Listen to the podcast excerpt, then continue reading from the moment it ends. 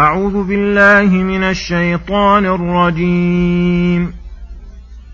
يا بني إسرائيل اذكروا نعمتي التي أنعمت عليكم وأوفوا بعهدي أوف بعهدكم وإياي فارهبون.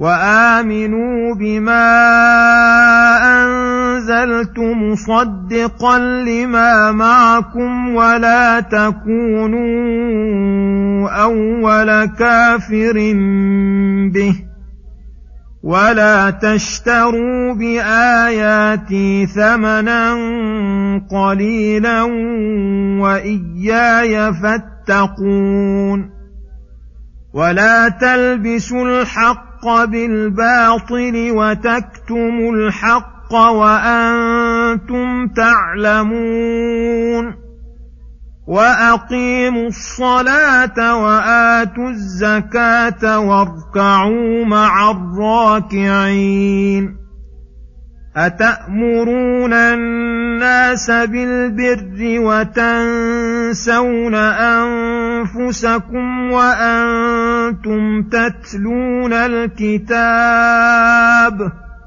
افلا تعقلون بسم الله الرحمن الرحيم السلام عليكم ورحمه الله وبركاته. يقول الله سبحانه يا بني إسرائيل اذكروا نعمتي التي أنعمت عليكم وأوفوا بعهدي أوف بعهدكم وإياي فارهبون. شرع تعالى يذكر بني إسرائيل نعمه عليهم وإحسانه فقال يا بني إسرائيل المراد بإسرائيل يعقوب عليه السلام والخطاب مع فرق بني إسرائيل الذين بالمدينة وما حولها ويدخل فيهم من أتى بعدهم. فأمرهم بأمر عام فقال اذكروا نعمتي التي أنعمت عليكم.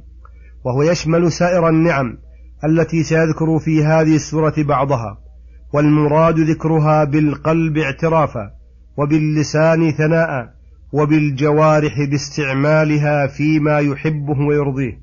وأوفوا بعهدي وهو ما عهده اليهم من الإيمان به وبرسله وإقامة شرعه. أوف بعهدكم وهو المجازاة على ذلك والمراد بذلك ما ذكره الله في قوله ولقد أخذ الله ميثاق بني إسرائيل وبعثنا منهم اثني عشر نقيبا وقال الله إني معكم لئن أقمتم الصلاة وآتيتم الزكاة وآمنتم برسلي إلى قوله فقد ضل سواء السبيل ثم أمرهم بالسبب الحامل لهم على الوفاء بعهده وهو الرهبة منه تعالى وخشيته وحده فإن من خشيه أوجبت له خشيته امتثال أمره واجتناب نهيه.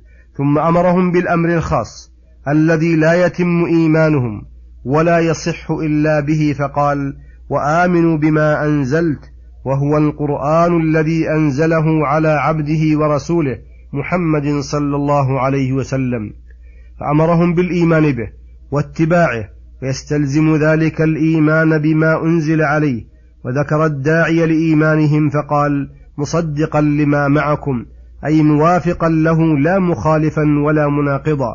فإذا كان موافقا لما معكم من الكتب غير مخالف لها فلا مانع لكم من الإيمان به لأنه جاء بما جاء به المرسلون. فأنتم أولى من آمن به وصدق به لكونكم أهل الكتب والعلم.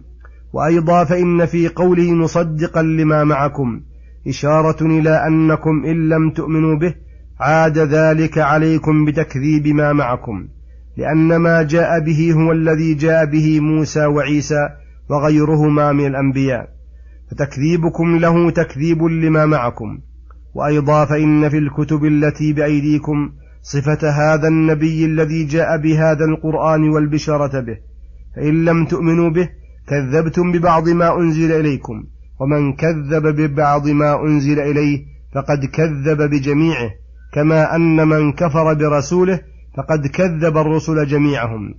فلما أمرهم بالإيمان به نهاهم وحذرهم عن ضده وهو الكفر به فقال ولا تكونوا أول كافر به أي بالرسول والقرآن وقوله أول كافر به أبلغ من قوله ولا تكفر به لأنهم إذا كانوا أول كافر به كان فيه مبادرتهم إلى الكفر عكس ما ينبغي منهم وصار عليهم إثمه إثمهم وإثم من اقتدى بهم من بعدهم.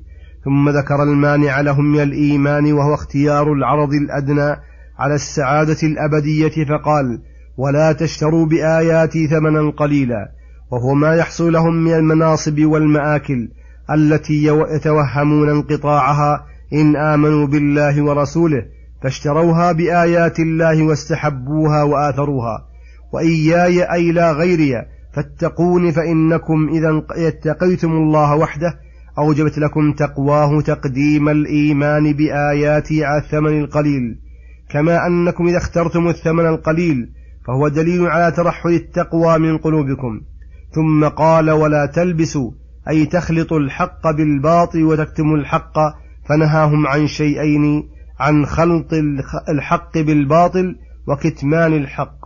لأن المقصود من أهل الكتب والعلم تمييز الحق وإظهار الحق ليهتدي بذلك المهتدون ويرجع الضالون وتقوم الحجة على المعاندين.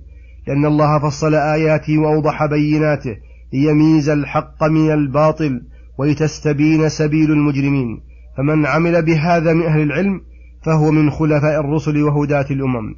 ومن, لب ومن لبس الحق بالباطل فلم يميز هذا من هذا مع علمه بذلك وكتم الحق الذي يعلمه وأمر بإظهاره فهو من دعاة جهنم لأن الناس لا يقتدون في أمر دينهم بغير علمائهم. فاختاروا لأنفسكم إحدى الحالتين.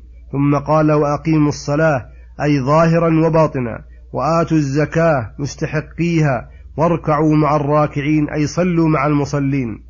فإنكم إذا فعلتم ذلك مع الإيمان برسل الله وآيات الله فقد جمعتم بين الأعمال الظاهرة والباطنة وبين الإخلاص للمعبود والإحسان إلى عبيده وبين العبادات القلبية والبدنية والمالية. وقوله واركعوا مع الراكعين أي صلوا مع المصلين ففيه الأمر بالجماعة للصلاة ووجوبها.